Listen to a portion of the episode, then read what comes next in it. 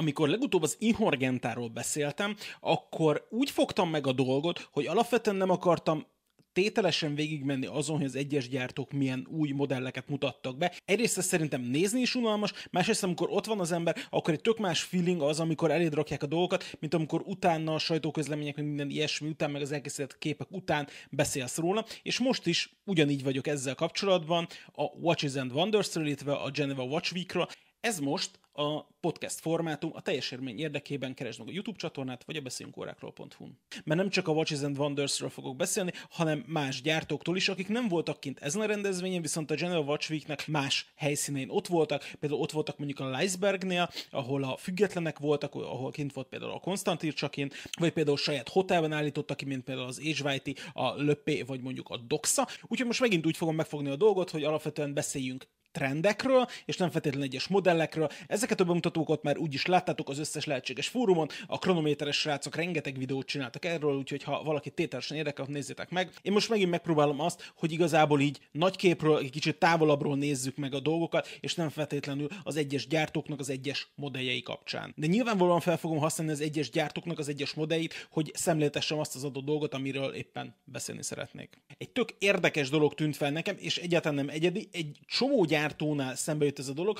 hogy bejelentettek valamit, elmondták, hogy mi az, ami lesz, és elhoztak valami teljesen mást, vagy félkész modellt, vagy a makettet, vagy ilyesmit. És ez igaz az Inhorgentára is, de igaz a Watches and wonders és az egyik ilyen, ami eszembe jutott, hogy a Csapek hozott egy olyan titán modellt, amit utána megmutogattak nekünk online, amiről a sajtóanyagok online kijöttek, hogy ó, ilyen szép, meg olyan szép, de amikor odaadták a kezem, mondták, hogy hát a számlapot nézem igazából, mert a tok az régi, a szíja az régi, ide a számlap. Igazából az az, ami nagy show, és ez volt, a, ez volt az egyik bejelentésük a Watches and Wonders, és, és ilyenkor azért egy kicsit furán néz szerintem az ember, hogy megvan a bejelentés, megvan a sajtóközlemény, megvan a kommunikáció, csak a kész modell nem készül el. Ugye alapvetően a kicsikre igaz inkább, a nagy gyártók azért nem szoktak ilyet eljátszani, náluk elég nagy a marketing gépezet, meg a gyártási kapacitás ahhoz, hogy megcsinálják a dolgokat, de a kicsiknél azért ez néha belecsúszik. És az első trend rögtön a méretekkel kapcsolatos,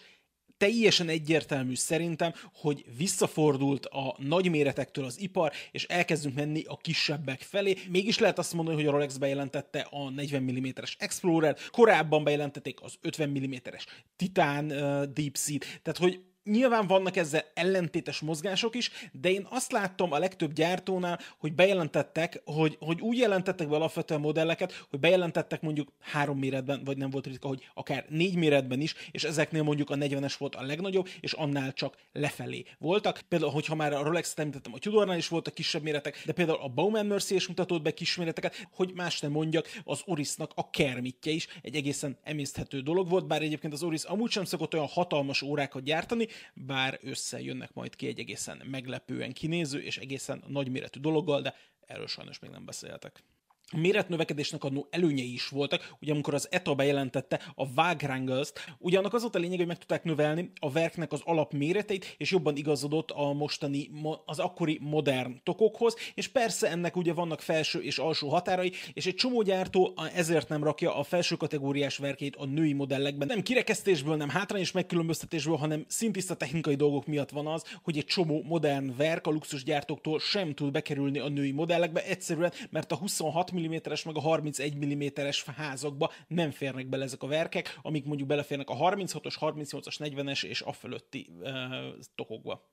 és a színesedés, amit megpendítettem az Inhorgenta kapcsán, az teljesen egyértelműen látszott most is. A Roger Döbőinek a Black Spinstone, vagy éppen az Excalibur uh, Spider Titan verziója is nagyon-nagyon színesek voltak, úgy, hogy amúgy nem is biztos, hogy a nappali fénynél jöttek ki igazán, hanem mondjuk éjszaka, meg UV fényben látszottak nagyon-nagyon durván, hogy mennyire is színesre sikerültek ezek a kiadások. A Morris Lacroix-nak saját rendezvénye volt az East West Hotelben, ott meglátogattam őket, és ott bemutattak egy nyárra szánt nagyon színes kiadást, úgyhogy aki szereti a márkát, azok készüljetek. Hivatalos sajtóközlemény erről még nincs, de elvileg egy hónapon belül be fogják őket mutatni. Igazi nyári színekre kell készülni az Icon rajongóinak. És nyilvánvalóan minden közösségi média csatornán szembe jött már a Rolexnek a nagyon színes kiadásai. Ugye beszélek itt az Oyster Perpetuáról, és beszélek itt a Day-Date-ről is. Nem tudom, nekem ezek igazából inkább visszatetszőek. Persze én szeretem azt, amikor a Rolex színes számlapokat ad ki, de akár ez a Luffy-szerű számlapos OP, akár ez a puzzle számlapos Day-Date, ez nekem így nagyon-nagyon-nagyon fura, és egyáltalán nem illik bele a márkának az imázsába, még akkor sem, hogyha ők meg tudják magyarázni, hogy miért kerül 31 darab emoji annak a szerencsétlen DD-nek a számlapjára, a hétnapjai helyet használ különböző pozitív üzenetekkel együtt. Szerintem ezek már túl vannak az egyszerű jófejség meg viccességnek a határain, ez már ilyen visszatetszést kelt, legalábbis bennem mindenképpen. Már említettem az Orisnak a ProPilot X 400-asát, és nagyon friss limezöld számlappal jelentek meg, ez konkrétan az ő saját ProPilot X 400-as szériekben is egy üdítő szín volt. Persze volt korábban például a lazat számlapos, ami szerintem egy vicces, és ez amellé szerintem nagyon szép szépen befér. Persze voltak a klasszikus színek is, voltak a kékben, volt a kék, volt a fehér, de úgy gondolom, hogy ez a kis frissesség a ProPilot X400-as családra igencsak ráfér, és szerintem szívet melengető ez a szín, bár úgy gondolom, hogy azért az túl sok, hogy gyakorlatilag a teljes Oris standot, a Brekinek, Kermitnek hívjuk bárhogy is, a képei, meg minden ilyesmi díszítették, szerintem azért egy kiadásnál sokkal többről kell, hogy szóljon egy ilyen márkának a standja. Viszont amiről még biztosan beszélni kell, a Takhajernek a Carrera Date szériája, Szerintem nagyon-nagyon látványosak ezek a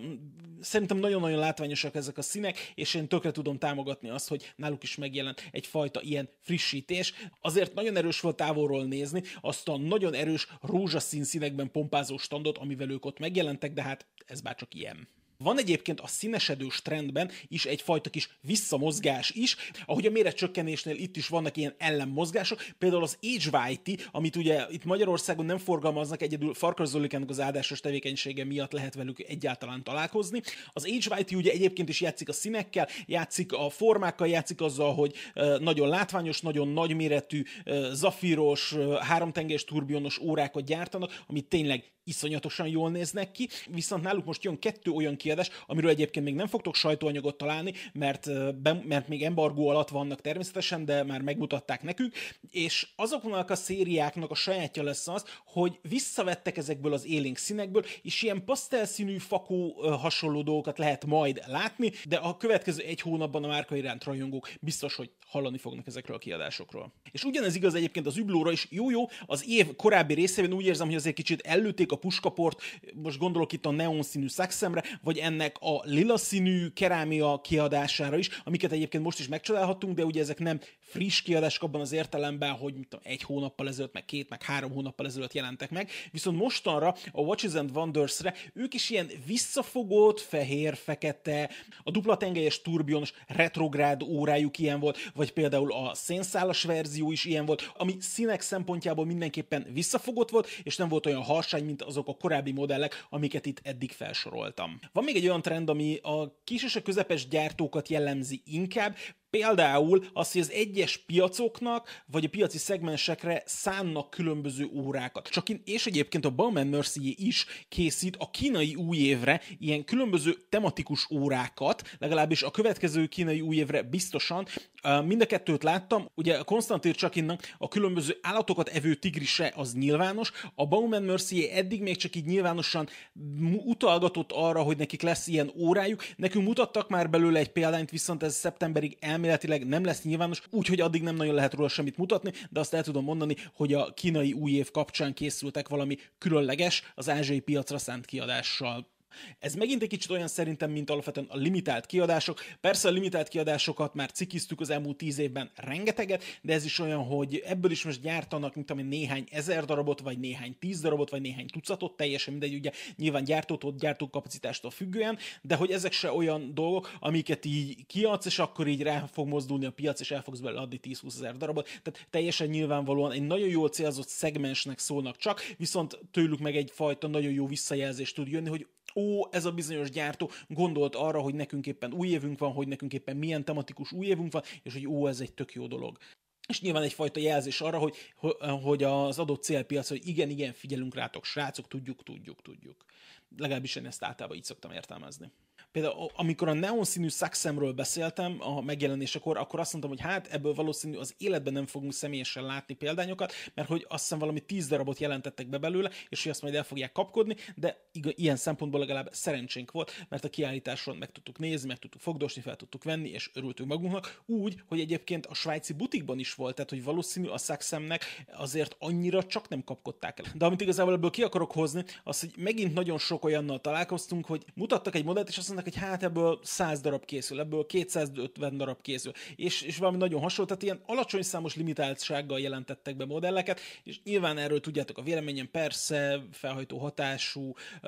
valamilyen szinten az embernek a fejében az, hogy ú, akkor ez egy jó befektetés lesz, meg minden. Szóval ez egyfajta nyilván ilyen, ilyen marketing trükk. A másik dolog, amit még láttam, hogy nagyon-nagyon sokan, és most nem csak a Watches and Wonders-es gyártókra gondolok, hanem például gondolok az Inhorgentes gyártókra is, hogy nagyon sokan koncentrálnak arra, hogy saját szerkezettel adjanak-e dolgokat. És az Inhorgentáról például gondolok itt a Römerre, ugye ott jelentették be, hogy hamarosan kijönnek a saját szerkezetükkel, de ugye például akik most nagyon pózoltak ezzel a nagy in ugye nyilvánvalóan a Tudor, ugye, ugye a Kansas gyárból most adtak át egy újat, ami, amit most mutogattak nekünk, hogy mennyire menő és mennyire automatizált, és hogy mikre képesek, de például voltam a Recent Watchnál is, és ha megnézitek az ő szerkezeteiket, vagy egyáltalán a számlapot, vagy azt, ahogy működik, nem igazán gondolnátok azt, hogy emögött egy ETA 2892 van. Volt szerencsém náluk több mint egy órát eltölteni, és gyakorlatilag a teljes sztoriukról dumálni az értékesítési vezetővel, és ő ott elmondta, hogy amúgy ennek az egész órájuknak az elve az az, hogy fogtak, és persze egy nagyon stabil alapra akartak építkezni, de lényegében minden le van szedve a szerkezetről, és egyedül a perc tengelyét tartották meg az ETA 2892-nek, és minden mást nulláról építettek rá, és természetesen saját szabadalom, meg minden úgy, hogy a következő 20 évben ne nagyon számítsunk arra, hogy egyáltalán megtudjuk, hogy hogyan is csinálják azt a dolgot így Belgiumban. Még egy dolog a szerkezetekkel kapcsolatban, csomó gyártóval beszéltem, mindenkinél egyre magasabb számokat hallottam azzal kapcsolatban, hogy hány év garanciát is vállalnak az óráikra, és szerintem ez egy nagyon pozitív dolog, hogy elkezdték a gyártók egyre följebb és följebb tornászni a garanciális időket. Mert most belegondol az ember, hogy elköltesz 20-30-40 ezer eurót egy órára, és azt mondják, hogy hát ha két éven belül van vele valami, akkor megcsináljuk, utána pedig azért fizesse még egy-két-három sok ezer eurót arra, hogy, hogy esetleg valami történik vele. És most nem tudom én, tehát hogy amikor valaki vesz valamit, ami mondjuk egy, egy olyan szerkezet, ami mondjuk még, még nincs olyan szériád vele, ami, ami már mondjuk három éve kint lenne, arra hogy tudsz vállalni, arra hogy mondhatod azt, tehát morálisan hogy mondhatod azt, hogy eh, csak vállalunk rá két év garanciát. Tehát ezt nyilván nem lehet megtenni, úgyhogy egyre több gyártó ezzel tisztában van, és van olyan gyártó, aki bejelentette, hogy meghosszabbítja a Wafleurie által gyártott verkjeinek szánt garanciát, és nem csak mostantól, hanem az összes tavalyi évben vásárolt modelljeire is, és ez szerintem egy tök pozitív dolog, ez nekem nagyon tetszett. Még egy érdekes trend, egyre több gyártónál van lehetőség arra, hogy bizonyos szintig az emberek az órát testre szabják, nyilván ez egy fajta szint fölött van, nincs az, hogy besétálsz és a legolcsóbb, mondjuk Oyster Perpetuára megmondhatod, hogy te milyen számlapot kérsz, meg külön mutatókat, meg minden, szóval ez nyilván nincs így, viszont egy szinten túl az van, hogy engedik, és partnerek is a gyártók egy szinten belül arra, hogy te saját konfigurációt készíts, egyfajta ilyen egyediesítés felé el tud menni. Ez korábban is volt egyébként, ahhoz neked valami nagyon drága, nagyon egyedi modellt kellett venni, hogy ebben ők partnerek legyenek, de úgy gondolom, hogy ahhoz, hogy ez elérhető legyen valaki számára, már nem kell, mit tudom én, százezer svájci franért órát venni, hanem már sokkal lejjebbi árkategóriákban is ez a dolog így elkezd elérhetővé válni. És még egy fontos trendet még majdnem kihagytam, ez pedig egyértelműen a Titán. Ugye a Rolex az elmúlt évben kijött kettő modellel is, a legfrissebben most pont a Watches and Wonders-nek a nyitó napján, ugye a Titan Yachtmaster 42 mm-es verzió van, és ez olyan, mintha lényegében megadta volna az engedélyt, mintha validálta volna azt a dolgot, hogy igen, a luxusiparban lehet titánból órát gyártani, és nyilván nem most pont a Yachtmasternek a bejelentése, hanem mondjuk a korábbi Deep Sea bejelentés után történhetett ez a dolog meg, hogy mindenki elővette a különböző polcokról, meg fiókokba elsüllyesztett terveket, és leporolták, és azt mondták, hogy na jó, akkor most kijövünk valamivel, ami titán, csomó gyártónál megfigyelhető dolog ez. Egyelőre nem számítok arra, hogy most mindenki elkezdi magából ömleszteni a titán verziókat, de úgy láttam, hogy egyre több és több ilyen modell jelent meg, ami egyébként szerintem egyáltalán nem baj. A végére még két olyan dolog, ami nem változik, a kéknek a dominanciája. Ugye persze tudjuk, hogy a kék szín unalmas, a kék szín mindenhol ott van, viszont a kék az, ami a legjobb eladásokat generálja, úgyhogy egy csomó gyártó még mindig teljesen jogosan fókuszál arra, hogy kék színű modelleket adjon el, és ennek egyébként én valamilyen szinten nagyon örülök, mert a kéket gyakorlatilag mindenhez fel tudod venni. Persze el tudom mondani ezt hasonlót a feketéről, de a kékeknek sokkal jobb az eladása, és szerintem egyáltalán nem véletlen, úgyhogy ez a trend ez van, és szerintem ez maradni is fog. És az utolsó trend pedig a fémszíjak. Rengeteg gyártó van, aki kísérletezik különböző dolgokkal, mutatnak be bőrszíjas órákat, mutatnak be gumiszíjas órákat, mutatnak be az Inhorgentán parakorciós órákat mutatnak be, nagyon sok mindent, de a fémszíj még mindig domináns. Nyilvánvalóan a magasabb szegmensben a nemes fémszíjak is, tehát az aranyak, a fehér aranyak, a platinák, ugyanakkor az acélszíjak is még mennek, és ezzel szerintem a világon semmi gond nincs. Az emberek valahol az acélszínak a megléte az, ami valahol ellensúlyozza azt, hogyha csökken a méret, mert azért még mindig az van az emberekben, legalábbis a kelet-európai piacon biztosan, hogyha valamiért sokat fizetek, akkor szeretném, hogy az nehéz legyen. És per, mert, mert én abban érzem az értéket, és ez nem személyes, hanem nagyon sokan ezzel így vannak, és hiába van az, hogy mondjuk az adott óra mondjuk 42 millió, mondjuk 40 millis lesz, de ugyanúgy acélszíja megveszed, és akkor mondhatod azt, hogy hát ezért érzed a kezeden, hogy ott van, és megérte ezért megvenni, és ez a trend egyértelműen megfigyelhető volt. Persze a legtöbb gyártó ajánl mellé alternatív dolgokat is, de a fémszíra nagyon sokan koncentrálnak elsődlegesen. Nyilvánvalóan, aki mondjuk elegáns órákat ad, azoknál ez nem jellemző, de azért az óraipar nagy részét még mindig az acél sportúrák dominálják. De szerettem volna, örülök, hogy itt voltatok, és találkozunk legközelebb.